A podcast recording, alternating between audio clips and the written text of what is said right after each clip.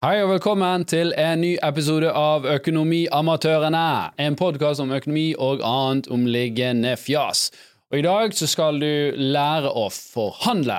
Vi skal lære hvordan vi forhandler med banken om å få bedre betingelser på boliglån, forsikringer. Men det er jo kanskje mange andre ting man må forhandle om her i livet òg. Så dette blir en spennende episode og forhåpentligvis veldig lærerik med masse tips og triks, så følg med.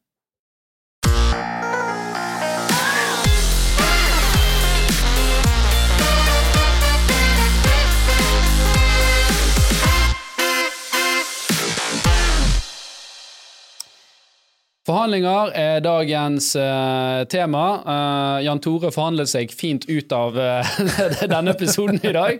Han står hjemme og trekker tenner på bikkjen. Er det det som er Ja. grunnen til at han ikke Jeg- Eller han måtte gjøre det. Jeg, jeg, jeg, håper jo ikke han som gjør det, da. Men Ja, han riktig. hadde en situasjon der han måtte ta bikkjen til veterinæren. Okay. Så, så våre sanker går med til Jan Tore sin hund. Men jeg har jo fått med Torstein, selvfølgelig. Du er jo en gløpper på forhandlinger.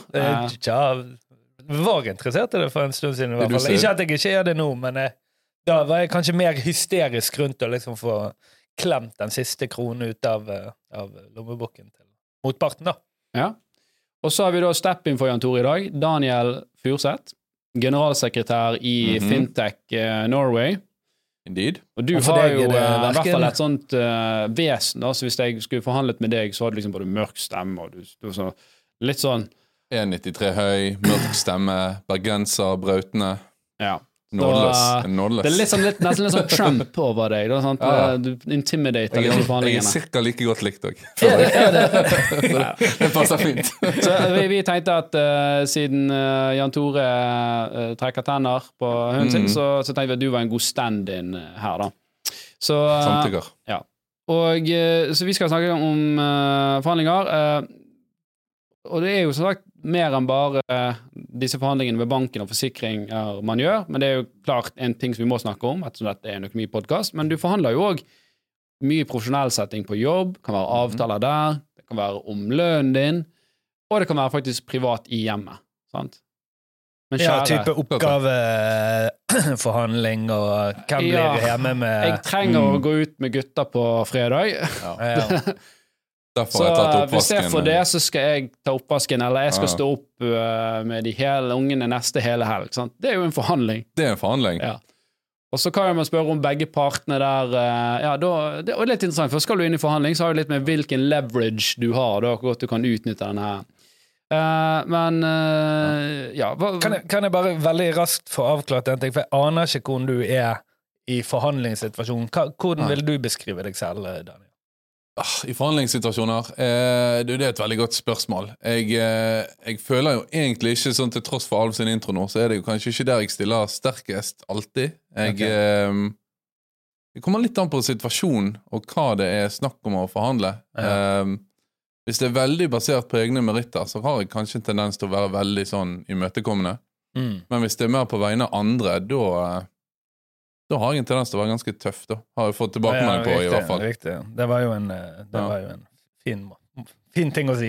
Ja, og, og det er jo et interessant perspektiv, for det er jo ofte mm, lettere å være tøff når man representerer noen andre. mm, Sant? For det er litt sånn Ja, men det er ikke for meg, så jeg har ikke så særlig skin in the game her. nettopp. Um, og, og det er jo en av tingene som, som Hvis du skal, skal gjøre en god forhandling, så handler det egentlig om å være godt forberedt. Sant? Du må gjøre litt hjemmelekser, du må vite om, om det er en avtale, så må du vite liksom konkurrenter til dette, og, og, og så må du òg forstå liksom hvilke alternativer du har.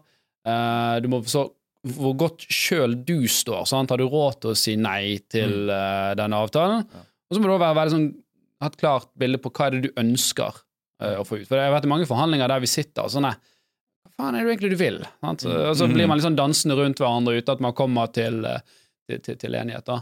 Sant? Um, Veldig sant. Og de tilfellene hvor du forhandler med banken, sant, så er det veldig tydelig at du gjerne ønsker lavere renter. Sant? Mm.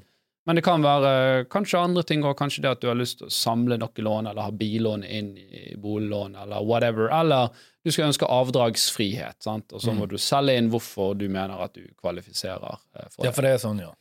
Eller det er vel litt opp og ned, selvfølgelig, ut Ja, altså- belåningsgrad videre. Altså Avdragsfrihet, for de som ikke vet hva det er, så er jo det at du da kun betaler rentene i en periode, gjerne opptil seks måneder. Eh, så du slipper å betale selve avdragene på lånet. Så hvis du, si, hvis, du betaler vanligvis 25 000 i måneden på, på lån, så kanskje det er kun uh, 5000 kroner de neste seks måneder for, eh, for at du skal komme deg forbi en kneik. Det kan være at du har mistet jobben, eller under eh, pandemien så var det mange som fikk eh, da, da, da satt disse ganske løst hos bankene. Nesten alle fikk det avdragsfrihet. bare de spurte om Mm.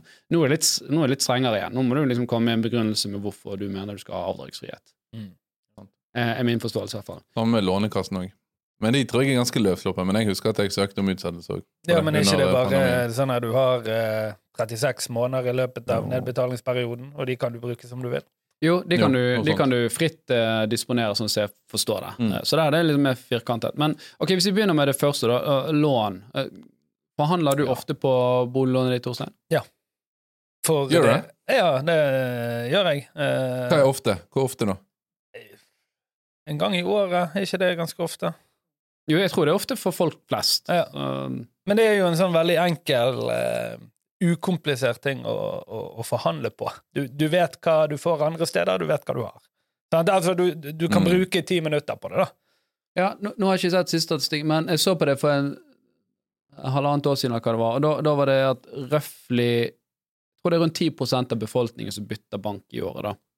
For jeg bytter sjelden bank, men du søker jo på renterader eller på andre nettsider. Liksom, hva er det Finansportal og Ja, for eksempel, som bare liksom henter ut dataen. da, Så mye Mm. har du, dette er renten du har i dag, disse kan gi du bedre, og så går du til banken og sier jeg får dette her, eh, jeg er misfornøyd, og så ringer de deg om to uker.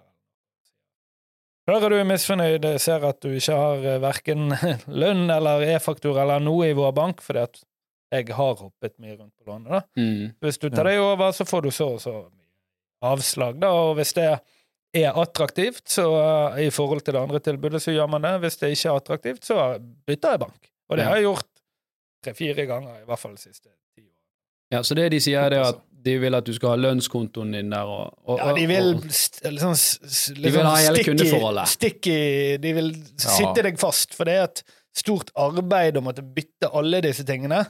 Eh, altså med alle avtalegiroer, lønnskontoer, trekk og sånne ting. Det er et arbeid. For Mm. da gidder man plutselig ikke å bytte så ofte.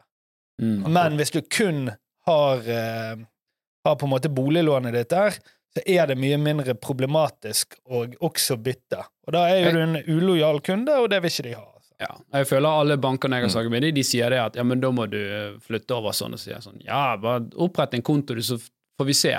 Ja. Og så, altså, så gjør jeg det som det er. Jeg òg sier, jeg også sier Nei, eh, ja. at jeg gjør det, og så gjør jeg det gjerne ikke. Ja, OK. For det Ja. Så du så du liksom- lyver da, rett og slett? nei, jeg lyver ikke. jeg har gjerne ikke. intensjon, men faen skal jeg gidde å styre med det? Ja, for det er jo det jeg sitter. Ja. For jeg kunne jo, det, er jo- det er jo hvit løgn. For jeg sitter nå og tenker at jeg skal forhandle med min bank så, Men jeg er ikke villig til å Jeg er fornøyd med det jeg har lønnskontoen min. Men hvis det er det jeg må si for, å, for jeg vil jo ha ned renten, på en måte. Jo, men Da ligger jo du arbeidet over på de, for de vil jo da si at ja, men da sjekker vi opp igjen om et halvår. Ja, gjør minn, min meg på det om et halvår. Eller sjekk opp igjen om et halvår. Men, men jeg, jeg tenker at det, det kan jo være flere faktorer for at de ønsker det. Sant? Det ene er jo selvfølgelig denne stickinessen på kunden. At hvis, hvis de får deg til å gjøre det, så vet de at det er større sannsynlighet for at du blir eh, de, får, de får en lengre det skal kalles lifetime, customer lifetime value eh, på deg.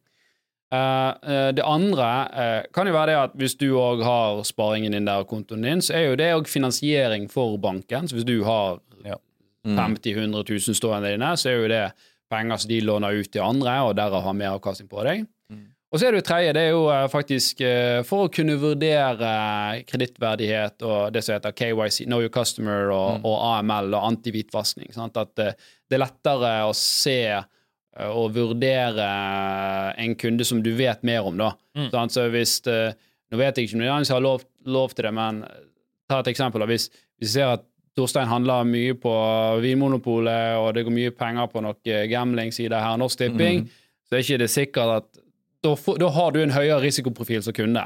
Mm. Så da er det sånn eh, Vi vil ikke helt gi Torstein den beste renten, for det er en høyere risiko for at han ikke kommer til å betale eh, Ja. for lånet sitt. Og da blir det plutselig en kostnad for oss å følge opp dette. Og så har du den fjerde, da. Kryssalgmuligheter. sant? Yes. De kan tjene penger på andre produkter. Ja, og det er jo eh, typisk sparing og sånn, for det skal jo egentlig være et skille mellom eh, bank og forsikring. Sant? De har ikke lov å si at du må ha forsikringene dine her for at du skal få bank, så vidt jeg har forstått. Nei, det, det, det er ikke lov å si det, men det jeg ofte hører de si, er jo at eh, De sier det selv om. Ja, de gjør, jo, de gjør jo liksom det de sier, Ja. eh, hvis, hvis, for da får vi bedre oversikt over deg som kunde, som gir oss bedre mulighet til å gi deg lavere rente. Ja, sant? det, Men det er det e- e- egentlig sier, er liksom la oss tjene penger på, på alle de andre produktene våre også. Så De sier det i sånn, i, under konteksten, men de formulerer det på en måte Så, så det høres litt sånn skummelt og troverdig ut for deg, men i prinsippet så kan, har ikke de i hvert fall lov da, til å si at nei, du får lavere rente fordi at du ikke har forsikringen din her. Ja. Det er riktig. Så øh, hvordan øh, Ok, måten du går fram med, er jo da Det er jo faktisk nett- nummer én, sånn nøkkel. Forberedelser. Du sjekker Mm. andre steder hva det jeg kan få. Ja. Og så er det ikke ofte du trenger å bytte bank. Eh, Det holder med å bare si til banken din at 'jeg ser jeg kan få bedre rente enn et annet sted'. Vil dere matche denne? Mm. Og det er jo ofte det letteste for alle parter. Litt kjipt for banken, selvfølgelig, men de vil jo fortsatt ha deg som kunde. Og hvis de absolutt sier nei, Mm. så har jo du valget, da, å, å, å, å gå til en, eh, til en annen bank. Ja. Med hassle, da. Altså, hvor lang tid tar det deg å bytte bank? Jeg har jo levd Jeg har aldri byttet bank i mitt liv. Jeg har prøvd å f Det eneste jeg har gjort, det eneste erfaringen jeg har, det er at jeg skulle få BSU-en min over fra en bank til en annen. Og det var, det var et mareritt. Ja, for da var det noe det tok du flere måtte måneder, liksom. Skrive under Ja, og og så skanne og sånn. den banken sa at du må gå inn i andre banken og gjøre dette, og så gå inn i andre banken, og så hadde de ikke denne tingen, da, så det, det eksisterer ikke hos de. Så var det mye frem og tilbake. Til slutt så ble jeg så forbanna at jeg bare ringte dem. Bare, nå ringer dere hverandre og finner ut det, for nå har det gått to måneder.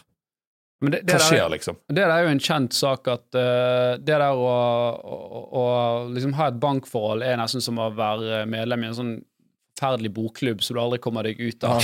ja, ja, men det er jo litt inntrykk jeg får, da. Altså, ja. Men, men det, jeg, jeg husker kanskje første eller andre gangen jeg gjorde det, så var det sånn. Nå er jo det heldigitalt. Mm. Så du fikser jo alt på nett eh, med ja, hjelp av noen noe sånn her eh, bank-ID-greier, så er det Ja, er er det egentlig så heldig? Når jeg skal bytte bolånet mitt nå, så må jeg inn i min andre bank og manuelt finne lånenummer og, og hei hvor det går. sant? Jeg, jeg skulle jo ønske at det var en mer automatisk jeg, prosess. jeg har ikke måttet gjøre det. Ja, jeg måtte det nå nettopp. Sikkert litt forskjellige prosesser. Ja. Men, men Mm. i, i prinsippet så har du jo noe som heter dataportabilitet i EU. Så i, i Mm. teorien så skal du kunne gå til en bank og si at få dataen min i et Mhm. maskinlærbart format, trekk den ut, og putt den inn i den andre banken, og så er du Mm. kunde der. Så enkelt skal det i prinsippet være. Men det er klart at disse banker da, og sånne selskaper som leverer det du kan kalle homogene produkter, dvs. Si produkter som ikke har stor forskjell, det, det er Mm. pris som er største driveren, de er jo veldig interessert i å lage mest mulig friksjon uh, når du skal forlate de. Sant? De prøver å ha minst mulig friksjon når du skal bli kunde. Sant? Da er det søk enkelt på nett og få fort Mhm. svar, og, og, og det er en rådgiver som ringer deg og følger deg opp. Uh, men så er det gjerne bevisst at man ikke ligger like mye innsats, selvfølgelig, når kunder skal, skal forlate de, da. Så det er, men, men ja, du har egentlig rett Mange på ganger i- i- ikke engang mangel på innsats, men ekstra innsats for å lage barrierer for uh, Mm, ja. kunde, kundeflukt. Mm. Ja da, Ja. det er det. Nei, du Å nei, å, ja, nei, nei, du kan ikke kommunisere på e Nei, da må du sende sånn, du må Det ser jeg her om dagen, ditt. eh, når, de, når DMB, eller hvem det var, jeg fikk ikke helt med meg S-banken, eller noe som sa at nå kan ikke vi lenger være kompatibel med Apple Pay, var ikke noe sånn? Ja, det er DNB Ja, ja. som har uh, Ja. tvinga det gjennom. For, Da kan, kunne ikke man plutselig Da kunne ikke man si opp på nett, da måtte man ringe inn, da. Var ikke så? eh, på, for å si opp kundeforholdet sitt. Ja. Ja, det, det, det, det, det DNB er jo gjerne notorisk på det. Men, men, da, kan, akkurat da måtte du gjøre det, Ja. og da var jo det også kjempestor kø. Men Ja. da kan de på en måte stoppe deg i prosessen. da. Ja da, det er bare sånn ja, ja, da må du vente, og så mest sannsynlig så er du sur og emosjonell i øyeblikket. Dette vet DNB. Mm. Garanterer deg DNB har sittet og regnet på dette. Og så har de funnet ut vi må gjøre det cirka så tilgjengelig at ingen kan ta oss på det. Og så regner de på at vi kommer til å miste så mange kunder, uh, men vi har tatt dette standpunktet her. Så den, den beefen den gjelder jo egentlig med disse uh, NFC-chipene NFC-chipene. som er i Mm. mobilene, som gjør at du kan betale med Apple Pay.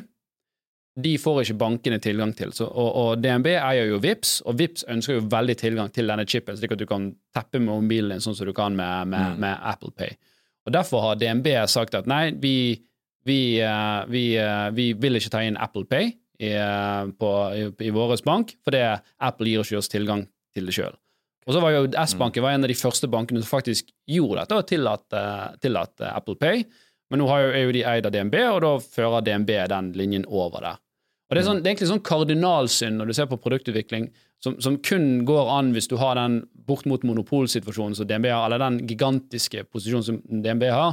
For Tradisjonelt sett når du driver med produktutvikling, når du har gitt en kunde noe, så skal du være jævlig forsiktig med å ta det tilbake igjen. Ja, ja. Har du lansert en tjeneste gratis, så kan du ikke bare si at nå koster det penger. Da må du si at ja, den er fortsatt gratis, men hvis du betaler litt mer, så får du denne ekstra funksjonen. Så du må alltid liksom, gi dem noe ekstra. Eh, sånn. mm. Men er du i den posisjonen som DNB er, så, så, bruker de litt De brauter litt med den makten sin. Da. Men med og, å gjøre dette, med å eh, trekke muligheten for folk å bruke Apple Pay, er det noe andre produkter som på en måte vil skinne ekstra mer, eller er det kun et tap? Nei, de, de, de vil jo selvfølgelig eh, fremme at folk heller bruker VIPS okay. uh, enn Apple ja, Pay. Sånn, ja. uh, og, så kan du også si det liksom vil det bety noe? De, de tar jo et sånn moralsk standpunkt her, og, og sånn så der, men samtidig så kan jeg si at nå får jo DNB smake litt på sin egen medisin, for det er jo mange fintech-selskaper uh, som, mm. som, føler stor motstand fra DNB. her. DNB mm. ikke vil åpne opp og samarbeide med de. Nå opplever de akkurat det samme opp mot, uh, mot Apple. That's how that feels. Smak på den medisinen. ja. ja. Ja, jeg så jo, jeg tror vet ikke om det var kommunikasjonssjef eller hva det var i S-banken, så sa jo det, i hvert fall en artikkel jeg leste, at det er veldig synd at dette fjernes, og per nå så har vi ingen annen tilsvarende måte, god løsning da, som løser dette for Men det er Bulder, var ikke sånn? det kan godt være. Skal vi gjøre reklame for Bulder nå? På, men det, eller du kan også, det du kan òg gjøre, er, er, Curve, som er et uh, eh, UK-basert uh, eh, selskap. Ja. Hvor du da får ett kort, og så kan du koble dine andre kort opp mot det. Og så bruker du liksom Curve som et sånt mellomkort, og det har Apple Pay. Hvis du ønsker å være kunde i DNB, men bruker Apple Pay, så kan du da få deg et curve-kort, så du bare knytter opp mot eh, DNB-kortet ditt. Liten hack for de som absolutt ah, uh, vil ha det. Uh, men uh, greit. Det, det, var litt om bank. Mm. La oss ta litt om forsikringer, så skal vi gå heller litt mer i detalj på liksom, for, forhandlingsteknikker, for det er jævlig mye spennende der som jeg har lyst til å grave litt i med dere. Men forsikringer er det samme prosedyre sånn med, med bank, Torstein? Du har jo jobbet med forsikring. Ja, nei, det, og det er jo ikke det. Eh, for det at der har du ikke som du sier, homogene produkter. Der er ikke produktene like. De er ganske like, men uh, disse selskapene er jo veldig flinke til å på en måte fremme forskjellene uh, mellom produktene, da, som gjør at du som forbruker som skal eksempel bytte fra if til gjensidig eller gjensidig til trygg, blir litt forvirret, rett og slett. Og det er hele formålet med, med den eh, produktdifferensieringen også, da. Det er å, å forvirre eh, forbrukerne. Kan du gi noen eksempler ja. på det? Ja. Øh, øh, hvis du har kasko på en bil som er øh, denne dekningen som gjør at du får dekket både skader på ditt eget kjøretøy og andres kjøretøy i, Nå husker ikke jeg helt forskjellene, men den ene hadde eksempel eh, dekning for eh, bulker eh, når bilen er parkert, og den andre forsikringen hadde nøkkelgaranti. Så ja, hvis du mister nøkkelen, så får du det dekket til forsikringen. Da vil det tydelig, når noen som ringer inn og eventuelt skal sjekke prisen på forsikringene sine, eller høre om de kan reforhandle mm. forsikringene med eksisterende selskap, så vil selgeren, eller rådgiveren, som man kaller det, da, på den andre siden mm den vil da fremme den produktforskjellen eh, mellom disse eh, to produktene. Altså det, det, det, er forsikring bilkasko begge steder, men det er noen små forskjeller. Og det vil være det de da drar fram og sier at ja, altså hvis oh. bilen din blir bulket da på en parkeringsplass hvor 80% av bulkene oppstår, så er du komfortabel med å ikke ha dekning for det. Og da mm. blir du usikker. Sant? Ja, så, Mens så det, og, og, 90% av dekningen er helt lik men ikke akkurat de små. Ja, så, og, det er sånn Ja, OK, du kan, du kan, du kan spare 1500 kroner i året her, sant? men får du en sånn bulk, så kan jo det være 20 000. Uh, sant? Så mm. er du villig til å ta den risikoen, og, og, da er jo vi mennesker stort sett helst risikoavers, da. Ja. Det, det, det, det, svir mer å tape en hundrelapp enn å vinne en hundrelapp. sant? Mm. Så, ja, okay. så når du ringer inn og sier ja, men da mister du denne nøkkelgarantien din, eller bulkeforsikringen, mm. Eh, men, men det er annerledes i, i UK, sånn som jeg forstår det. Der er det standardisert. Ja, for der har, en, der har du et eller annet regelverk som gjør at alle selskapene må ha en sånn grunndekning som er uh, Dette er bilkasko hos alle selskaper. Og så kan de legge til så mange tjenester de bare vil, men det må de prise ekstra. Så da vil denne bulkforsikringen koste la oss si, 10 av premien, og så vil eh, sant? Ja. nøkkel koste 10% så du bygger på, da. Ja, så da kunne du, hvis, hvis vi hadde hatt det i Norge, så kunne du sagt at ok, men kaskoprisen her er jo stor forskjell, og dere tar dere eh, 2000 betalt ekstra for denne nøkkelgarantien. Jeg har mistet bilnøklene mine én gang de siste ti årene, og det kastet meg 4000 kroner. Ok, da vil jeg ikke betale 20 000 ekstra. Du, du kan lettere ta et informert valg, da. Det er helt riktig, og det gjør jo òg at konkurransen mellom selskapene blir eh, langt hardere, som selvfølgelig da vil, er liksom til, til seier for forbrukerne, da, som for får billigere forsikring. Så må jeg jo bare si det ehm, Når det gjelder akkurat disse tingene på forsikring og for boliglån, Mm. så en liten teaser, så jobber vi med noe eh, sinnssykt spennende i Horde nå. Eh, Som vi skal fortelle mer om, om eh, kanskje, ne, kanskje neste uke. Men det, det kan, det kan uh, gjøre livet ditt betraktelig enklere, og forhåpentligvis nøste opp i litt av de problemstillingene som du sier der. Jeg, ja, bare for, Nå skal ikke jeg drive og selge det heller, men jeg er også veldig giret på den. For det hørte med en gang du fortalte meg eller en teaser på det, så var det sånn Jeg høres ut som prime-segment for det, akkurat det der. For jeg syns det er Jeg synes det er hassle jeg, skulle Jeg syns bank og sånn er vanskelig nok, og når du forsikring skal komme og gjøre det enda mer. Ja. Jeg, liksom, jeg fikk eh, mail nå forrige uke faktisk av If. Og bare ja, nå flytter vi over, eller nå fornyes forsikringen din, og her er noen endringer, og gi oss en lyd hvis du har lyst. Det er bare sånn, jeg merker at Altså, det var tiltak å bare åpne den e-posten for å få beskjed. Ja, eller at du måtte ta stilling til Ja, ja. eh, Når denne rådgiveren kommuniserer med deg på e-post eller telefon, og så prøver han liksom å selvfølgelig beholde kundeforholdet ditt, og så må du prøve å lese gjennom linjene her, hva Ja, er det som betyr noe. Og det er ubehagelig, for det er jo andre ting du ønsker å gjøre og bruke dagen din på, ikke liksom krangle eller undersøke med alle mulige forskjellige alternativer der ute. Ja, Ja, ja. og så vet du gjerne ikke hva, hva er en kasko. Altså, hva er det som skal være i en kasko? Sant? Mm. Så der må jo man rett og slett enten bruke, bruke litt tid uh, mm. på å liksom finne ut hva er det som er viktig for meg, hva er grunndekningen, Mm. eller så må man bare, og det, og det er på en måte måten jeg gjør det på, da, ikke interessere seg for disse andre deler. Altså en delkasko er en delkasko, ansvar er ansvar, kasko er kasko, og så driter jeg i hvilke goder jeg får på siden. Hvem kan gi meg skjelettet Ja, billigst? kjernen. Ja, nettopp.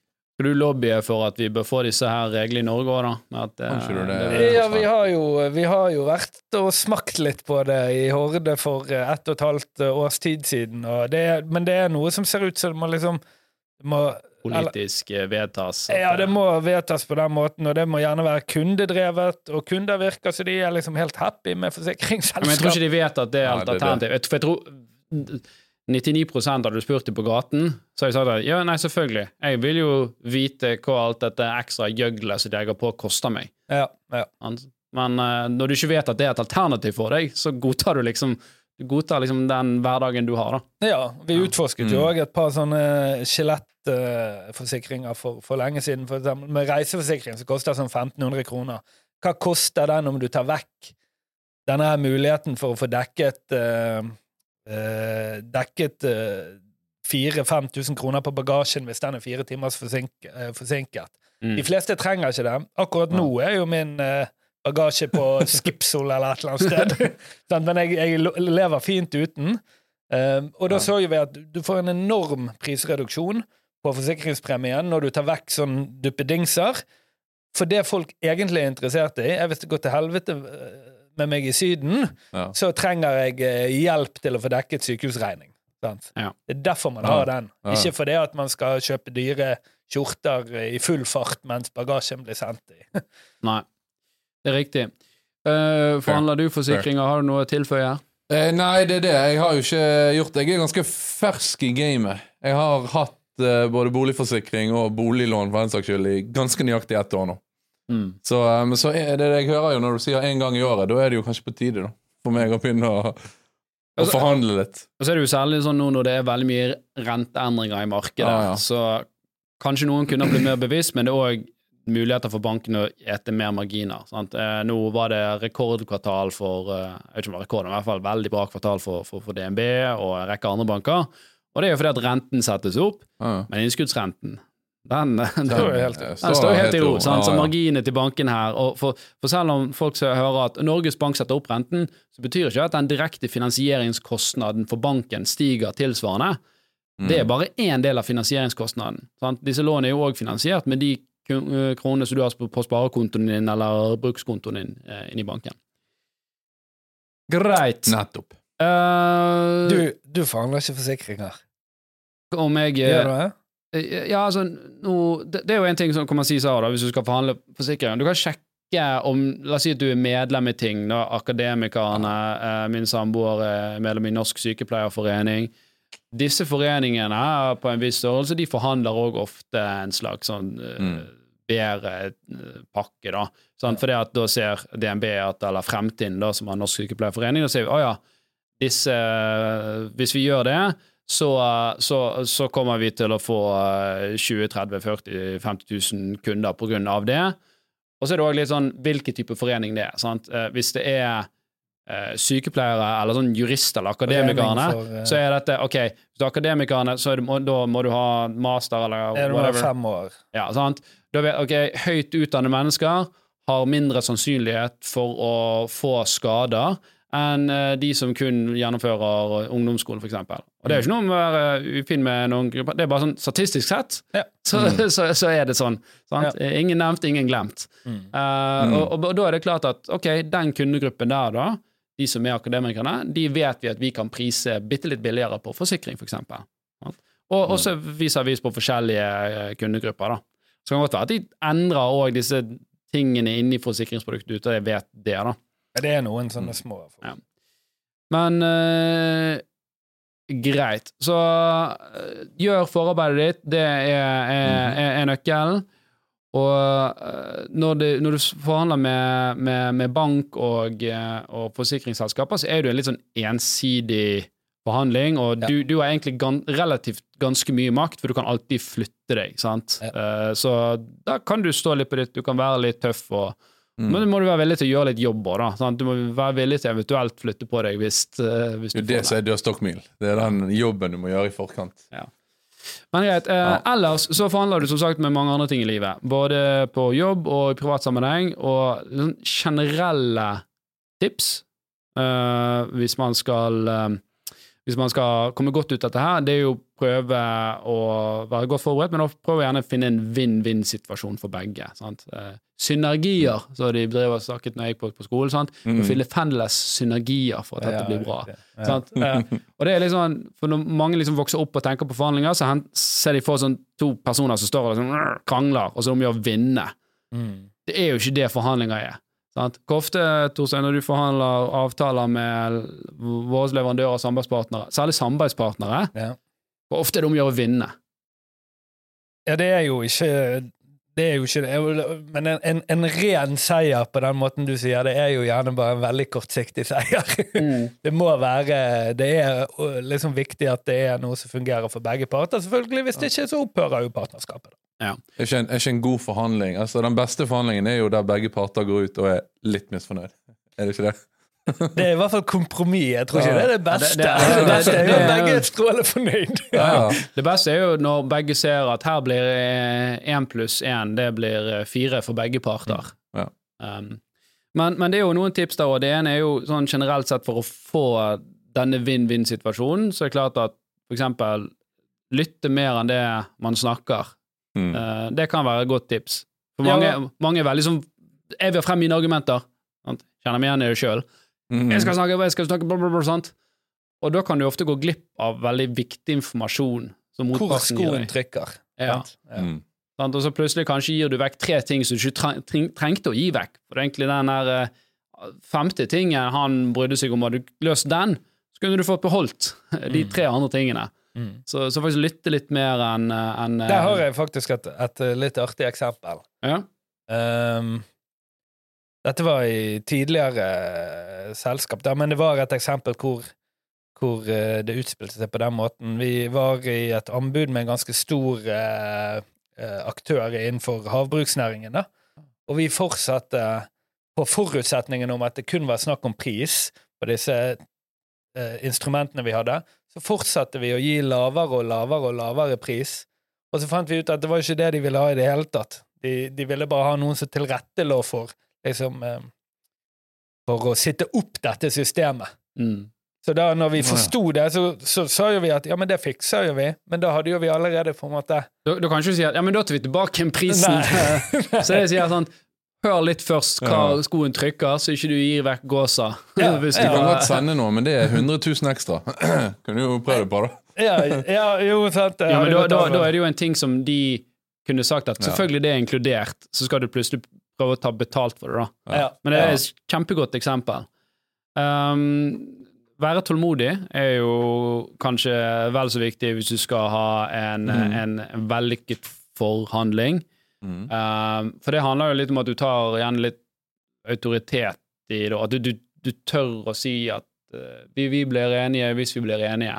Sant? Mm. For hvis du Ja. er veldig pushy, så enten så må du ta en dårlig deal, eller du kan, eh, du kan ende opp med at motparten bare føler at dette ikke, dette er riktig. Ja, og så ah, ofte så føler jeg òg Det er i hvert fall noe som jeg prøver å være litt sånn bevisst på. Um, dette med å ikke gå inn i en forhandling der du, der du føler at her står alt på spill. Altså det er sånn, Hvis dette ikke går, så er jeg fucked, på en måte. Altså Du må, du må tørre å kunne liksom, Dette kan være at det ikke går. Det må bare gå fint. Du må tørre å si liksom nei, go fuck yourself. Bare ikke med de ordene, da, det var en smart mann som sa, sa til meg en gang at uh, hvis du ikke vil til å be deg dra til helvete, så kan du ikke forhandle. For da, da, har, ikke, da, Ja, da har du ikke noe vei ut. Da, det er ikke en forhandling her, da er det egentlig bare du som spør Ja. kan, hvordan kan det gjøre minst mulig vondt. Ja, ja, ja, basically. Ja. Eh, men, men det kan du ofte Og ofte så kommer det forhandlinger hvor, hvor det er sånn at alt står på spill, da, Ja. i, i gåse eller i hermetegn, men uh, du må fortsatt gå inn med mentalitet Mm. Eh, hvor det skjer det. Eh, og det handler litt sånn eh, med å bare mindsette når du går inn i den. her, Og om, du kan sikkert sammenligne det med å sitte med et pokerbord, for eksempel. At Ja. du har ikke lyst å, å, å, å, å tape alt som er i potten, men, men av og til så må du, må du liksom bløffe litt, selv om eh, og, og, og da være villig til å skubbe pengene i potten og så håpe at eh, motparten eh, ikke gjør noe drastisk. Nettopp. Ja. Ja, ja. Lettere Eh, sagt enn gjort, det, da. Men eh, ja, ja. Greit. eh, vi skal litt over på eh, forskjellige teknikker som kan bruke i forhandling. Det er gøy. Jeg tror du er ekspert på ikke det, Torstein. ja, da, så kan vi diskutere litt om eh, er det etisk å bruke alle disse. For nå har vi tatt litt sånn de snille tingene. Sant? Eh, Lytte til hverandre og, og finne vinn-vinn-situasjoner. Det er klart at det er den beste oppskriften hvis du skal ha partnerskap. Uh, eh, med banken din så skal du slippe å stå og lytte til at han står og ber for sin kjære mor. Der bør du liksom være Der er det litt ensidig forhandling fra din side. Enten så må dere levere dette her, og hvis en annen bank kan levere, så må du være villig, villig til å gå. Mm. Men en, en, en veldig sånn kjent uh, teknikk innenfor forhandling er jo forankring. Sånn forankring av pris, for eksempel. Sant? Så hvis vi begynner å, å snakke om, eh, om, om noe, så prøver jeg å si en pris som ikke er helt sånn urealistisk høy, for jeg vil ikke for, for, fornærme deg, men fortsatt er høyere enn den prisen uh, som, uh, som, som jeg forventer. da. Eller det kan være renten. Sant? Jeg kan si til banken din at eh, jeg vil gjerne ha en uh, La oss si at nå er jo boliglånsrenten så- La oss si du er boliglånskunde i dag, så kanskje får du 4,3 da, i effektiv rente. Så kan jeg si at nei, jeg er ute etter eh, 3,5. Mm. Jeg vet at det, det er veldig liten sannsynlighet for at jeg får, hvis ikke jeg har liksom ekstremt lav gjeldsgrad eller et eller annet sånt som det. Men det kan være at jeg kan få 3,9, da, for eksempel. Sånn, Men hvis jeg sier jeg skal ha 1,5% i banken, så er det sånn, nei, da vil banken si nei, du, du, det er helt urealistisk, det Du går er jo er helt useriøs, liksom. Ja, ja. Ja, for det er jo en sånn Selv om det er jo som sant. Det er jo den renten jeg vil ha. på en måte. det, det, Jeg vil si det er en sånn uh, teknikk som funker bra hvis enten ingen av partene er spesielt vet helt hvor man i hvilket terreng, eh, terreng man skal ligge, Mm. eller om begge vet det veldig, veldig godt. Ja. For alt imellom der, da kan man bare Da kan man bomme fælt med å liksom kjøre sånn forankring, da. Mm. Jeg har lyst på denne eh, buksen. Jeg er villig til å gi deg 20 kroner for drit i, liksom. Kom deg ut av butikken min, sant? Ja. Mm. Um, så, nei, men det er jo et uh, godt poeng. Så, så det er jo en annen teknikk som heter lowballing, som er mer sånn Det er jo en, kan være en litt sånn ufin teknikk, særlig hvis du vet at motparten er, er presset. Sant? Så skikkelig underbyr du, eller overforlanger du, da, uh, på, um, på, på, forskjellige ting. Men det er jo lowballing vil jo være en forankring, men på den nedre ja, ja, siden av skalaen. Jeg, jeg mener, det er forskjeller for forankring. Det er sånn jeg legger meg litt utenfor det som jeg vet er Det er ikke helt urealistisk å be om det, Mm. men det er ikke det jeg forventer å få. Mm. Mens lowballing er jo at Det eh, det, det, det er en risiko for at du bare ber meg dra til helvete, sant? fordi at det er rett og slett fornærmende. Eh, Så det kan, være, det kan fungere, men det er jo en kjempehøy risiko Altså det, det er en high risk-strategi å ta, da. Men som motpart òg, så kan jo man unngå, eh, hvis man liksom skal spille mot hverandre, da, unngå både forankring og eh, lowballing med å si at ta og hive ut noe, så kan vi liksom forstå om det er interessant å gå videre i det hele tatt. Mm. For da vil jo man igjen som motpart tenke at oi, nå må jeg ligge meg innenfor et interessant eh, område her. Men jeg, jeg tror jeg fortsatt hadde gjort forankring, da. Sant? Jeg hadde gått, eh, hvis, du Ja. hadde, hvis du hadde hvis du hadde banken min og sagt ja, hiv ut noe, hva forventer du for i rente, da? Så hadde jeg ikke sagt 1% for det vet jeg er urealistisk. Men jeg hadde kanskje sagt 3,7, som jeg òg vet er urealistisk, men da tror han at ja, men da kan jeg snakke han opp til fire, og det er jeg fornøyd med. Sant? Ja. Jo, ja, kanskje. Så kanskje jeg- akkurat i dette renteeksempelet. Jeg ville sagt det gjelder alle ting, men det er greit. Du ville sagt i alle ting. Nei da, jeg, jeg, tror det kan overføres litt. Altså? For, for jeg, jeg liker ikke alltid det der at det å la alltid motparten spille ut, gir liksom gir de muligheten til å forankre. Så derfor syns jeg ikke nødvendig Hvis jeg er veldig langt fra hverandre, så kanskje, og i noen settinger Det spørs konteksten, hvem jeg forhandler med, hvor mye stoler jeg på at denne personen er fair.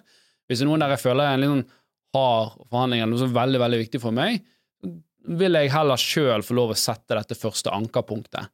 eh, og prøve å finne eh, liksom, ut ifra hva jeg tror eh, vil være realistisk. Og hvis det viser seg at det er helt urealistisk, så har vi mest sannsynlig ikke en avtale uansett. Så hva bruker vi tiden hverandre på? Ja, nei, altså, jeg ser at det er flere nyanser her. Jeg, jeg, jeg, jeg kjøpte en lille en bod, og det var en sånn ekte forhandlingssituasjon. Ja, for, for det, det som kan skje, er at denne boden, da At du tenker at denne vil han sikkert ta 100 000 for. Så hvis du skulle sagt noe, så hadde du sagt 70. Men godt være han sier det og sier For jeg er 20 000, så er jeg happy.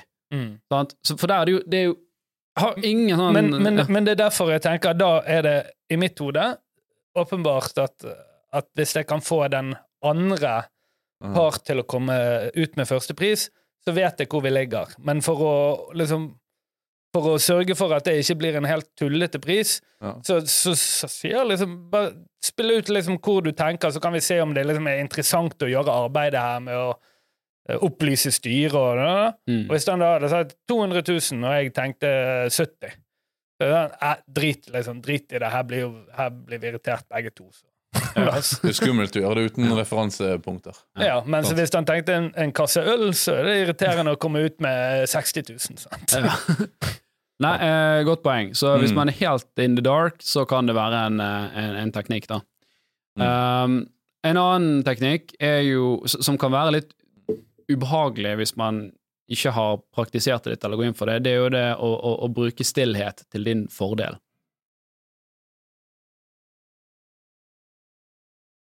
Ja.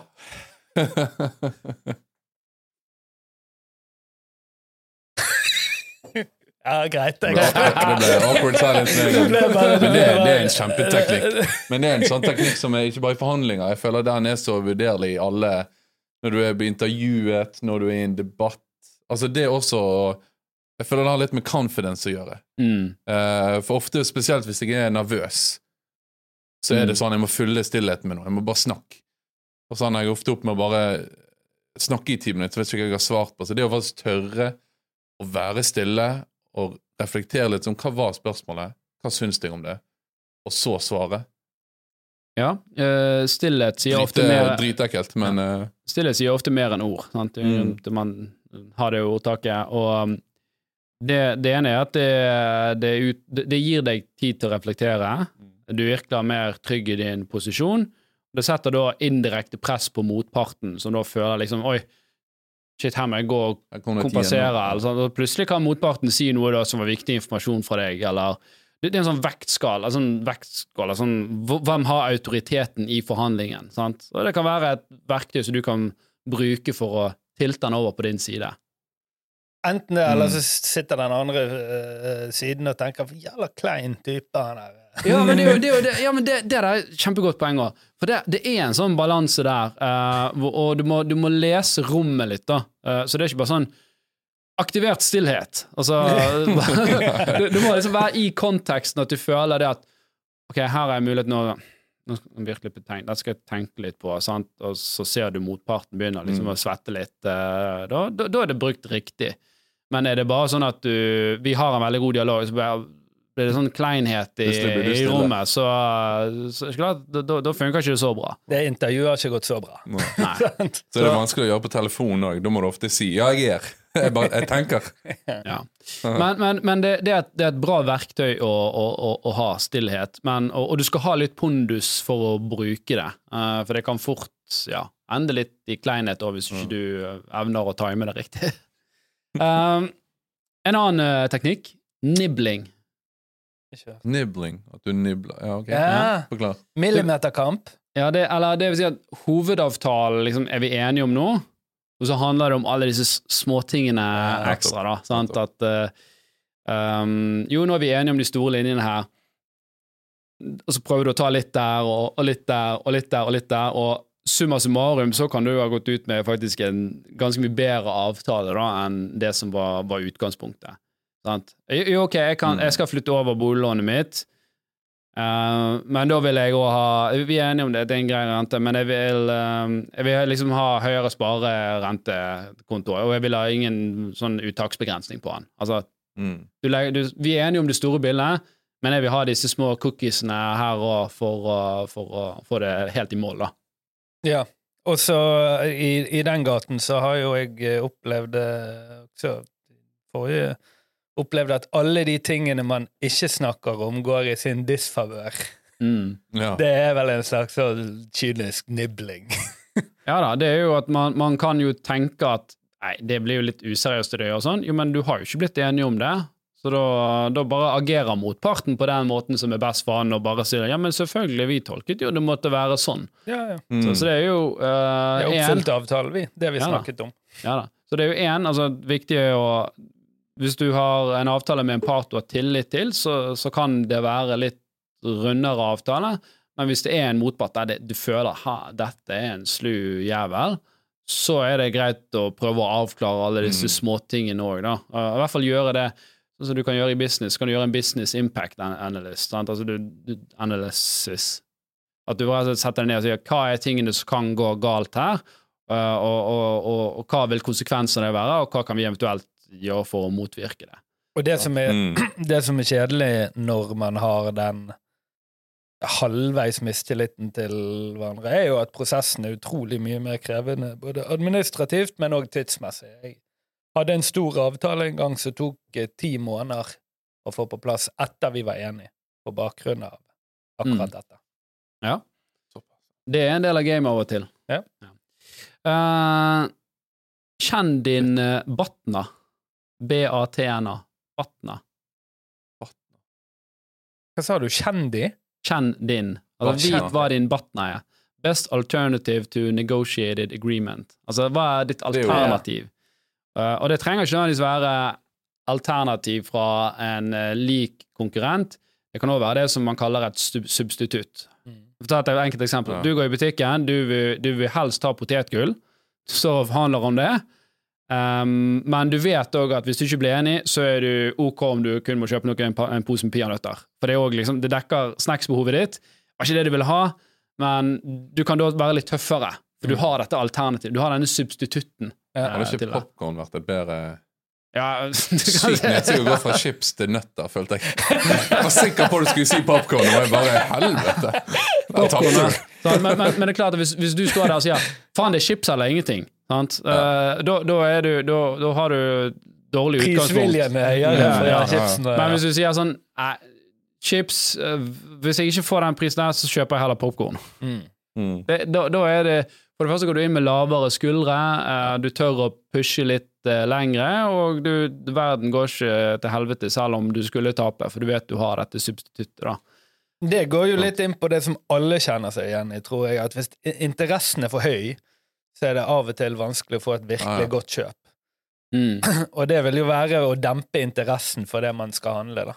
Ved Ja. å få et sånn Batna. Batna. Ja. Batna. Altså et substitutt. Et Substitutt kanskje bedre enn norsk ord, da. Uh, ja. uh, bruke tids, tidsbegrensninger. Det kan være effektivt. Jo, du, nå skal du få dette tilbudet her, men da, da trenger jeg da, da må jeg ha svar for deg i løpet av dagen, altså. For ellers så, så går det til noen andre. Ja, for du setter press på Mm, andre part. Men da må jo det også være troverdig. Ja, For du hører jo ofte mange si at budet går ut i løpet av morgendagen, men ofte så tenker jeg sånn Ja, men hva er det som skjer i morgendagen, da? Jeg vet at du har lyst på denne tingen, det er derfor du har gitt dette budet. Så hvis jeg bestemmer meg i overmorgen, så kommer jo du fortsatt til å ta det. Hva har endret seg på den tiden? Ikke Ja, både og. La oss si at Nei, nei, men- ja, ok, da, men la, oss meg ta, ta et eksempel, da. La oss si at, eh, la oss si at uh, du skal selge huset ditt, og så legger jeg et bud som er uh, For eksempel, da jeg kjøpte min uh, leilighet her i Bergen, så var det eh, før eh, visning, og så på det tidspunktet så var boligmarkedet veldig hot, så jeg, jeg bød litt over, og så sa jeg dette er det jeg byr nå. Um, uh, jeg kommer sikkert på visning i morgen òg, men det kan jo være han går for mindre. Ja, ja. Sant? Men, men dette budet nå står til klokken åtte i kveld, eller hva jeg sa. sant? Mm. Og da var de sånn Shit, dette er jo faktisk litt mer enn det vi har. sant? Skaper litt fomo. Sant? ja, sant? Det er jævla kjeft hvis du tenker nei. Og så, for jeg sa til henne La oss si at jeg, jeg bør 3750, da. Så jeg, men, sant? Det er liksom det jeg ville gå til. I morgen, hvis det blir budrunde, så kan det være form for 3-6 eller Ja, 3-5. det er jeg helt enig i, og da Mm. fjerner du risiko for, for motparten. Mm. Og så må du da, da Du sier liksom jeg går Nei, jeg, jeg fjerner ikke risiko. Jeg, jeg sier det at nå kan du få det i dag, ellers må du ta risikoen på at du taper 200 000 Ja, i morgen. Ja, du, du fjerner risikoen med at de skal la markedet bestemme når du allerede har gitt en pris. Ja da, og så var det min måte å teste opp om dette var lokkeprising sant, fra, fra de side.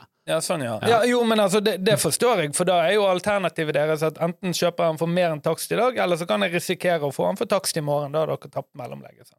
Nei, ja, eller jeg, nei, jeg, ville, jeg, jeg sa jo at jeg ville kanskje fått det for lavere enn takst. Ja, men da, de kan jo bare si nei til det. da. Ja, det, det kan de, men de har jo, de vil jo de har jo selge sannsynligvis en som er villig til å betale takst, da, siden du allerede har vært villig til å betale høyere. Jo da, men, nei da, men hvis det er en budrunde, sant, så, så jeg byr mot andre, og markedet sier at denne er bare verd 3,6, Mm. så kan jo de prøve å si ja, jeg ser du bydde 3,6, og det var tre andre i budrunden, men vi vil fortsatt til 3,7. Altså, da sier jo jeg FU, sant. Det, Mm. Hvorfor i helsike skal jeg betale 100 000 mer bare fordi dere vil? Da finner jeg meg noe annet. Sant? Um, så, men uh, ja, tidspress kan være bra. Ja.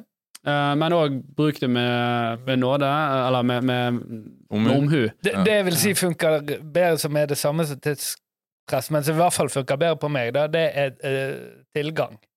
Istedenfor at du sier budet står et døgn, så kan du si at ja, jeg har bare én igjen av dette møbelsettet.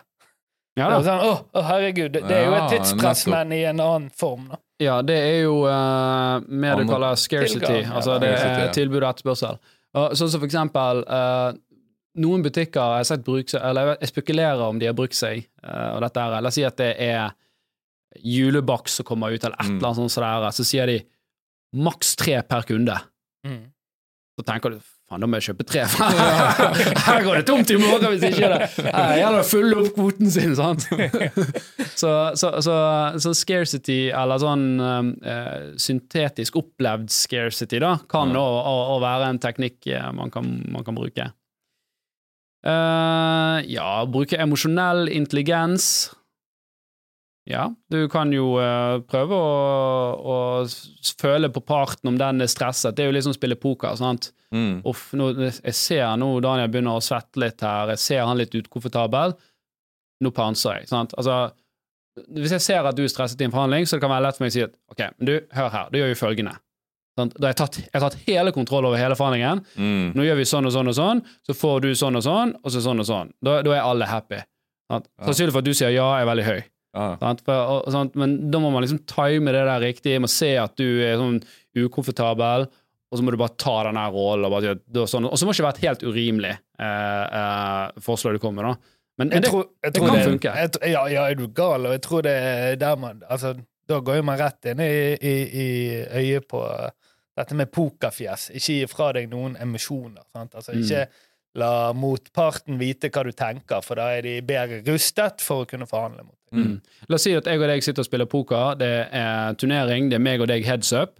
Eh, du sitter med 70% av chipsene, jeg har 30% av chipsene, men du vet at jeg er en ganske god pokerspiller. Og du er, du er veldig ukomfortabel, jeg er veldig komfortabel med bordet. Så kan jeg si til deg Deal. du, uh, Ja, Torstein, skal vi gjøre en deal? Du har 70% jeg har 30 Eh, La oss heller Du får 55 jeg får 45% så gir vi oss nå. Mm. Alternativt så, så kan du miste alt. Mm. Veldig lett for deg, selv om statistisk sett du ligger foran, så er det sånn åh, ok, ja, greit, nei, jeg, jeg, jeg, jeg tar det. For den, den risikoen for meg her nå, den var såpass ubehagelig for meg å sitte med. Da føler jeg nesten at nå spiller du både på For du har litt sånn, du brukte statistikk, det er jo logikk i det òg, men Mm. så spiller du litt på emosjonene. Jeg føler nesten vi er litt inne på sånn eh, god retorikk nå. Altså du skal stille Hva det heter da? Etos, patos, logos. Ja, ja, ja, at du skal spille på de er du, god, er du en god retoriker, så vet du når du skal bruke Ja. de ulike. Ja. Ja. Du, du har jo nevnt disse, kan vil du forklare det? Husker du de, eh, disse Etos, patos, logos. Ja. logos er jo logisk sans, patos følelsesmessig sans, og Mm. etos er Uh, Det handler mer om deg, din karakter, ikke det å bygge opp uh, uh, Hva det heter eh, Etos står det litt i ropet, faktisk. Ok, noen andre finner ut av det. Ja. Nå får finne ut av det. Nå får jeg se jeg, Kredibilitet. Ole Google Bare her borte. Bygge opp litt sånn kredibilitet til deg sjøl. Moral, liksom. Ja, at du liksom spiller på at jeg, du har tyngden til å si dette, at du fanger om. Ja, kanskje. Ok. Ja. Eh, eh, en annen teknikk som jeg er ikke helt sikker på jeg s- altså, eh, altså, Ja, nå sa jeg det allerede. Jeg, jeg, jeg vet ikke om den er så god. Mirroring. Altså speile litt den du forhandler med. Speile den man forhandler med. Ja, sant? Hvis jeg ser at du oppfører deg på en viss måte, Mm. så eh, hermer jeg litt etter det. Altså, jeg prøver å liksom Jeg tror han kan funke bra, jeg. jeg, jeg, jeg, på at vi er litt lik meg og deg. Vi er litt sånn tjommier, meg og deg. Ja, Jo, men ofte ja. så føler jeg at det blir uh, Det kan være fordi at jeg kanskje er det, det er veldig fort at det heller blir smisking. Og det du gjør da, hvis jeg ser at du prøver å speile meg, ja. så, så tenker jeg ok, jeg har all makten i den forhandlingen. Jeg har deg i hånden min. Så derfor er jeg litt sånn det, det er så lett å trå feil der, for hvis motparten ser det, at du prøver å speile, så, så tror jeg du fort eh, havner i en litt sånn skinkig, skinkig posisjon. da. Jeg, er- jeg er helt enig i at en, en potensielt stor nedside, i hvert fall med en sånn hai som deg, da. Men, eh, men eh, det er klart, i, i, i veldig mange innenfor liksom, Ja. det man ville kalle sånn personlighetsmessig follower-miljø, så Mm. tror jeg det kan være veldig effektivt. Mm. Ja, er ikke det litt sånn sosial intelligens òg, da? Altså, ikke at du skal begynne å smiske, men noe med å Du, du ligger deg på samme bølgelengde. La, la, meg- la meg ta et eksempel, da. Uh, jeg, jeg liker å, å, å, å fluefiske. Hvis du kommer og sier ah, 'jeg har prøvd det, jeg syns det, det var gøy', da. Jeg fisker mest i sjø og sånn så der, eh, men det var gøy. jeg kunne tenkt meg å gjøre det mer. Ok, greit. Det kan vi snakke om. Ja, du prøvde det, du har fisket en gang. det er Kjempebra. Men hvis du kommer sånn her 'Å ja, nei, det, det, det syns jeg er kjempegøy', og så liksom, du helt overselger det, og jeg bare hører at du, du har egentlig ikke peiling på hva du snakker om, så har du liksom spilt kortene dine Mm. feil, da. Da har du prøvd å speile, da. Ja, da, sant? Så, så, så, så det der at du, du, du finner noen felles interesser, og at du kanskje snakker litt mer om de enn det du pleier å være, men fortsatt er ærlig, da, da kan det fungere bra. Men hvis du liksom hvis du tolker speiling som at jeg skal bare liksom 100 eh, si det som jeg tror du vil høre, så tror jeg motparten, altså vi mennesker har en sånn sans da for å plukke opp at her er det Ja, noe som bullshit, ja. Ja. Eller underlegenhet. yes. Ja, fair enough. Mm. Ja, for når jeg tenkte på det, jeg tenkte mer på sånn Sånn som hvis du snakker med meg, jeg er jo ganske høylytt. Så da er det greit å snakke sånn Jeg prøver jo å være litt sånn bevisst på at jeg ikke overkjører noen. Så jeg snakker med noen som jeg merker er litt mer nedpå, litt stille og litt roligere.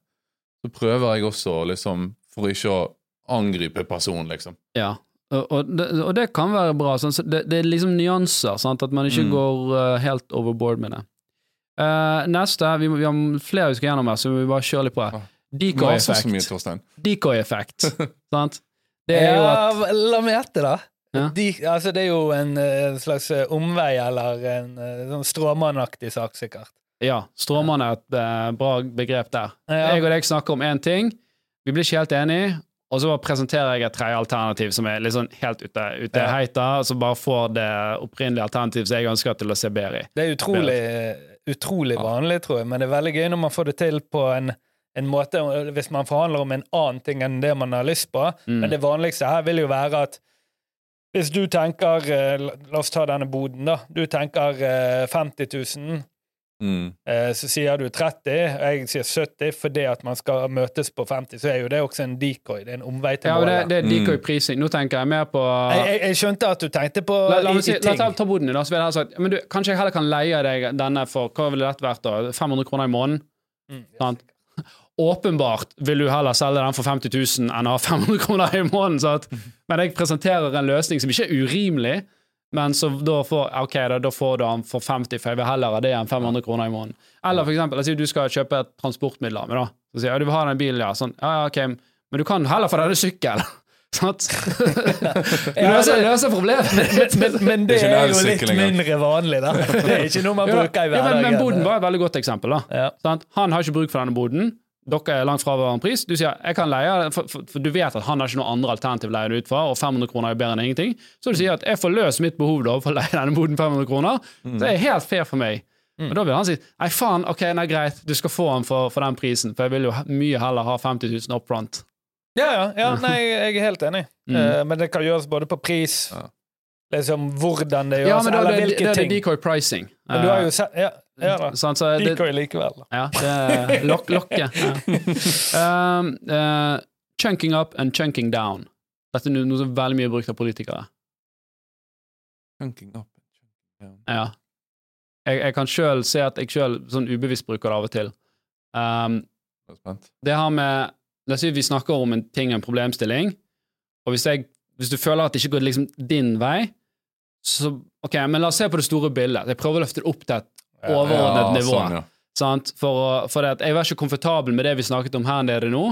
Sant? Og det kan være helt reelt da at vet du hva, jeg, jeg, det der, det, det finsmykkeriene det vet ikke jeg noe om, så nå må jeg opp og snakke om det her oppe. Hva er det egentlig som er viktig?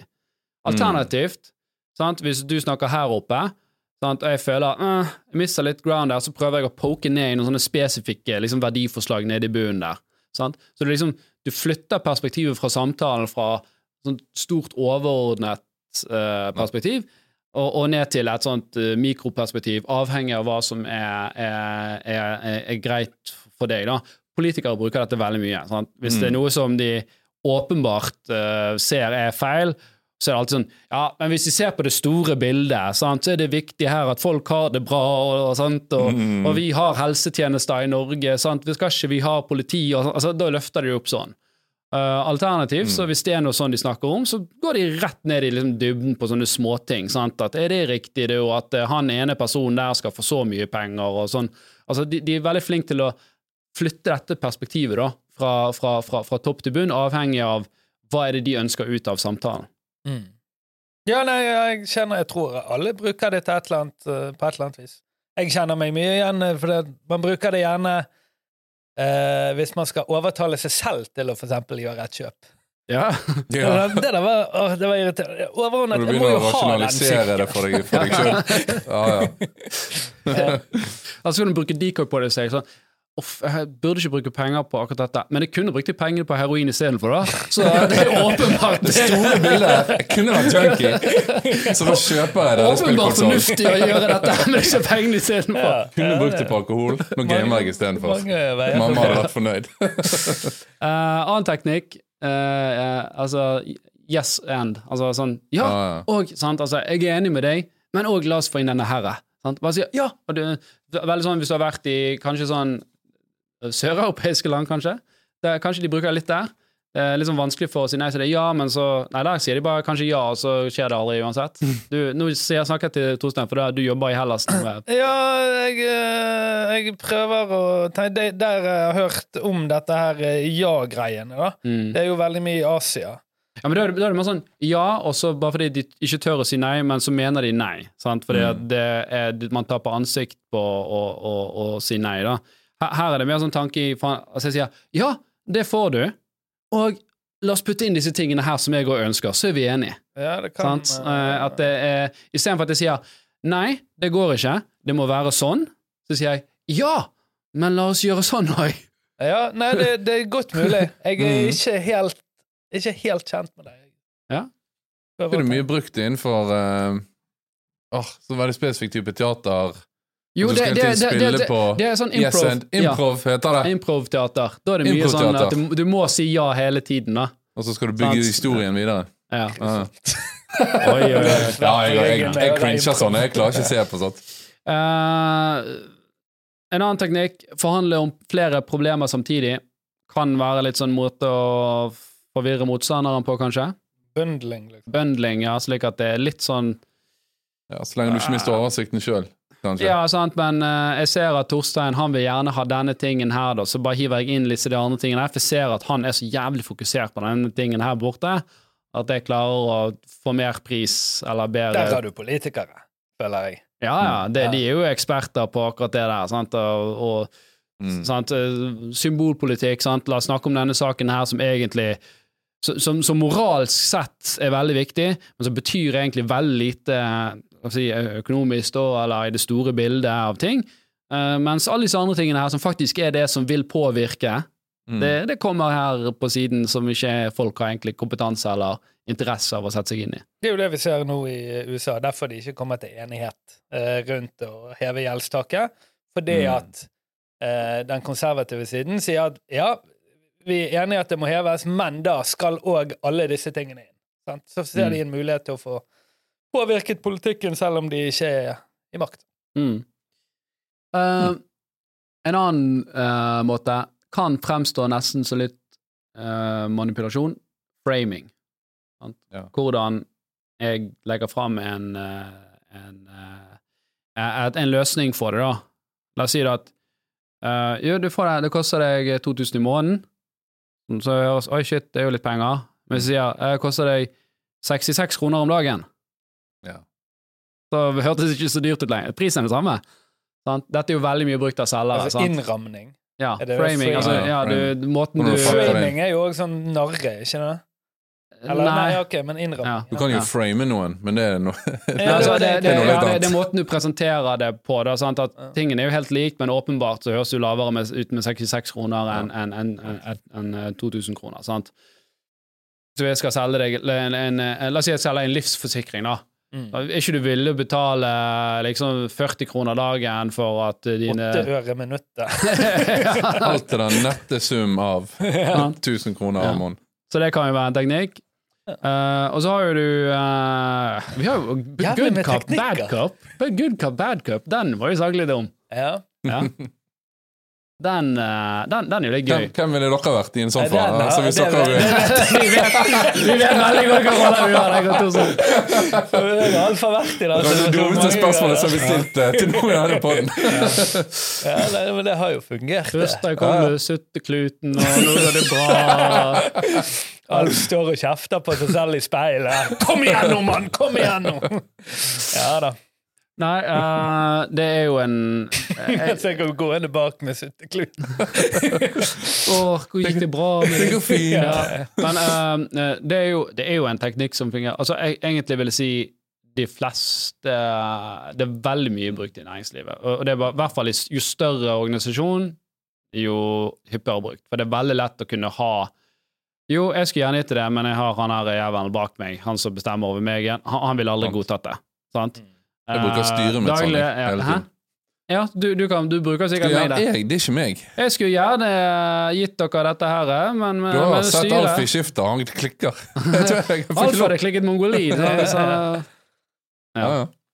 så, så det, er jo, eh, det er jo en måte å gjøre det Jeg vil si at den ikke akkurat altså Det er ikke sånn at man går inn og så kjefter man nødvendigvis, men den ene er hardere i forhandlingen og gjerne har et mer avs, av, armlenges avstand, Mm. mens den andre er tettere, nærere og litt sånn OK, men la oss finne en løsning, sant, og så la oss komme litt sånn, og så, så Ja. Mm. kommer det seg til, da.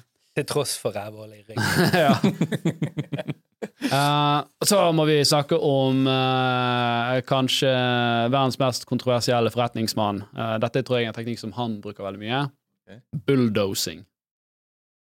Hvem er Bulldosing. Jeg tror det trenger. Tidligere presidenten Ja, jeg skulle si det, vi tenker vel på. Trump nå. Men en Ja. gang du sa det, så fikk jeg bilde av at han, han gjør denne handshaken med folk, og så drar han de til seg. Mm. Skikkelig bøllete oppførsel. Bulldosing er jo en sånn litt jeg jeg vil si at det er ikke en veldig langsiktig strategi da, for å få eh, inngå gode partnersamarbeid, men det er jo det at du bare overkjører motparten. Men du Sant. må jo ha en enighet der. Altså Ja, men det at uh, du er så Du er så liksom så direkte Altså, det gjør at noen folk no, no, altså, Folk flest, eller den- en del folk vil bare si at vet du hva, det her vil ikke ha noe å gjøre med. Jeg bare trekker meg vekk. Ja. Sant? Mm. Uh, men noen folk sier OK, det, det, dette, sånn er det, jeg blir, godtar å bli harselert med, eller jeg, jeg har ikke noe valg, da. Mm. Sant? Jeg, det, er jo personer i næringslivet, altså jeg vet liksom at uansett hva god deal de kommer med, jeg, kommer ikke til å jobbe med. Sant? For jeg har sett hvordan de har oppført seg i andre settinger, og, Mm. det der det er ikke noe jeg som verken moralsk eller på et verdigrunnlag, eller at jeg føler du kan bli revkjørt av dem. Da. Så det, det skjer ikke at jeg kommer til å gjøre noe business eh, med dem. Nei. Eh, For det er de Og da har jo det vært en sånn type strategi som kan, kanskje har slått litt feil, da. Ja da, det er det jeg sier, at det, det kan Det er ikke nødvendigvis en, en, en kjempegod strategi. Jeg tror ikke det er eh, Nå har jo Trump gjort veldig mye greier, da, men eh, hvis han hadde Ja. Det at han har det navnet han har, har kanskje gitt han en, en, en, en viss access, da, men jeg tror jo det er mange forretningsfolk og banker i USA som sier at vi vil ikke ha noe med han, for han, han bare harselerer, og så betaler ikke han, sant, og, og eh, setter Mm. folk i skvis, da. Så, Ja. ja.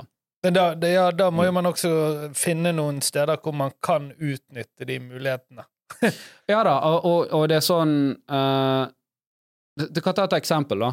Uh, det, det, ja, om det kan være bulldosing Nå, nå, nå har ikke jeg eh, Jeg har ikke verifisert dette, da, men jeg, jeg hørte eksempel at uh, Elon Musk, som kjøpte Twitter- de har et stort, flott bygg, dyr leiekontrakt. Mm. De betaler ikke eh, leien sin nå, for de sier nei, vi skal refande. Mm. Uh, utleier eh, står i en kjempeskvis, for det, næringseiendom i USA er skikkelig, skikkelig drit uh, akkurat nå. Det er høy ledighet overalt. Uh, denne Twitter-regningen er såpass stor at uh, Elon vet at det å få et forlik her med advokater, det er mye billigere enn å faktisk betale her. Ja, Utleier har liksom ikke noe valg, fordi de må betale sine lån. Rentene går opp, de må betjene sine lån. Ja. Så man utnytter posisjonen da, sant, eh, til å si at ok, men ja, ja, greit, la oss gå rettens vei, da, så tar dette tre år, og vi kan betale for det, for kostnaden blir fortsatt mindre mm, for oss, eh, men du har ikke råd til det. ja.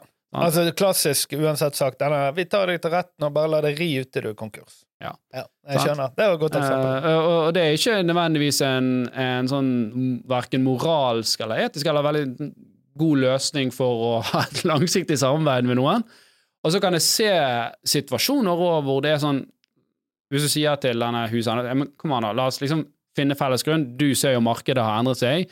Vi er i en liksom knipe nå, nå er det strammere her. La oss komme til enighet, og motparten da prøver Nei, det gidder jeg ikke. Sant? Så kan jeg skjønne at ok, men da, da er dette alternativet. Da, da blir det sånn. Mm. Sant? Så det er ikke sånn at alltid det vil være en forferdelig strategi, men klart hvis det er en strategi du misbruker, så tror jeg ikke du får veldig mange menn, venner i, i næringslivet, eller privat. Altså, hvis det er en strategi i det hele tatt, da. Mm.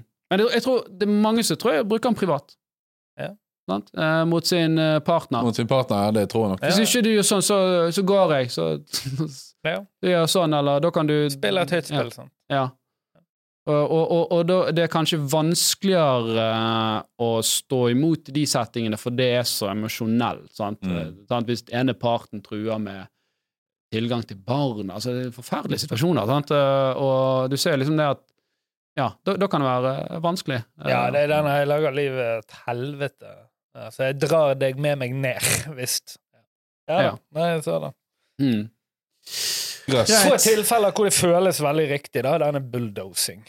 Ja da, det, Ja, det er som sier, at det, det, det er jo et, eh, et, eh, et verktøy i verktøykassen. Ja, ja, ja. Men det er liksom det er en slegge. Ja. Eh, hvis du bruker den, så kan det få effekt, men det kan også ødelegge veldig mye. Ja. men bra. Mer som en last resort, da, kanskje. Mm. Ja, hvis det, hvis det er last. Bare du ikke har Ja, jeg skulle til å si Ikke i alle forhandlinger. Det er sånn, Nei, uansett ikke- forhandling, så er dette last resort. Ender, så ender det opp med bulldosing hvis vi ikke blir enige. Veldig bra. Da er i hvert fall jeg gjennom uh, de uh, tipsene og triksene Ja, og forhandlingsteknikkene uh, som, som jeg, jeg fant. Eh, mange av de var jo kjent, vil jeg si, på, men Ja. det var liksom sette ord på det og liksom definisjoner på det var jo litt eh, gøy. Det var litt gøy Mm. å høre liksom hva folk tenkte der. Og så er det sånn viktig at eh, man må bruke disse i, i kontekst når det er riktig. eh, og, akkurat det førstnevnte vi snakket om det gjelder med bank og, og forsikring, så er det et litt annet forhold der. Sant? Der har du valgmuligheter. Til tross for at banken kanskje prøver å du, du husker at Når du forhandler med banken din, så har, snakker du med en rådgiver som er vant til å gjøre det der hver dag. Mm. De sitter, de er godt forberedt, de har all informasjon om markedet. Du kommer inn der uten den informasjonen. Så Der er du liksom den, den uh, uprofesjonelle part. da. Men skulle du, eh, nå tenkte jeg i forsikring, hvis du ikke skulle gidde å legge inn dette arbeidet, så tror jeg veldig mange kan få en bedre pris med å bare ringe og si at jeg har snakket litt uh, med andre selskaper. Jeg er ikke, misfornøyd, eh, nei, jeg er ikke fornøyd med min pris. Uh, ta og gi meg det beste det, liksom? tilbudet dere har. Så sier de at vent en uke eller to, så blir det sendt til en avdeling. Og så er det mulig at man bare kan prute uten å gjøre det arbeidet. da. Det er ofte en god ting, og, og, og et, trips, et triks der kan være ikke, vent, så gå, ikke gå drithardt ut, sant. Uh, eh, dette er Mm. forferdelig, sånn og sånn, og pris jævlig dårlig, sant. For da, da vil ikke nødvendigvis motparten nødvendigvis hjemme. men jeg jeg, jeg, jeg syns ting er egentlig ganske bra, men uh, det, dette det er for dyrt. Jeg ser andre som jeg kan få billigere. Dere må Ja, hjelpe meg med priser. Nå må dere se litt, Jeg skal komme til å sjekke litt andre steder. Kan dere bare sjekke litt komme tilbake med hva som er liksom, en rimelig pris, så slipper vi å styre mer med dette. Ja. Mm. Mye lettere for de å si sånn Ja, selvfølgelig, det skal jeg hjelpe deg med.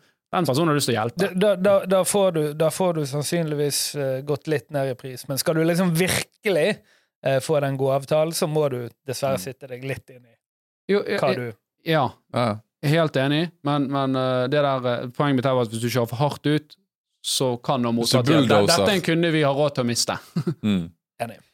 Ja, for du, du fremstår jo da som en oppegående person. Jeg er en rimelig person. Jeg er villig til å møte deg på halvveien her, men du må, du må gi meg et eller annet. liksom. Ja. Jeg er bare ikke fornøyd med Og, og, status quo. og det du også sier da når du viser at du er en rimelig person, det viser at Mm. jeg er en god betaler, jeg har hodet på skuldrene mine. Sant? Jeg er Mm. ikke en høyrisikoperson uh, som antageligvis kommer til å krasje bilen mye, eksempel. Eller ikke betale boliglånet mitt. Veldig var, det var det vi hadde. Uh, stay tuned, folkens. Uh, det kommer mye spennende eh, fra Hordeleiren, uh, forhåpentligvis nå i, i juni.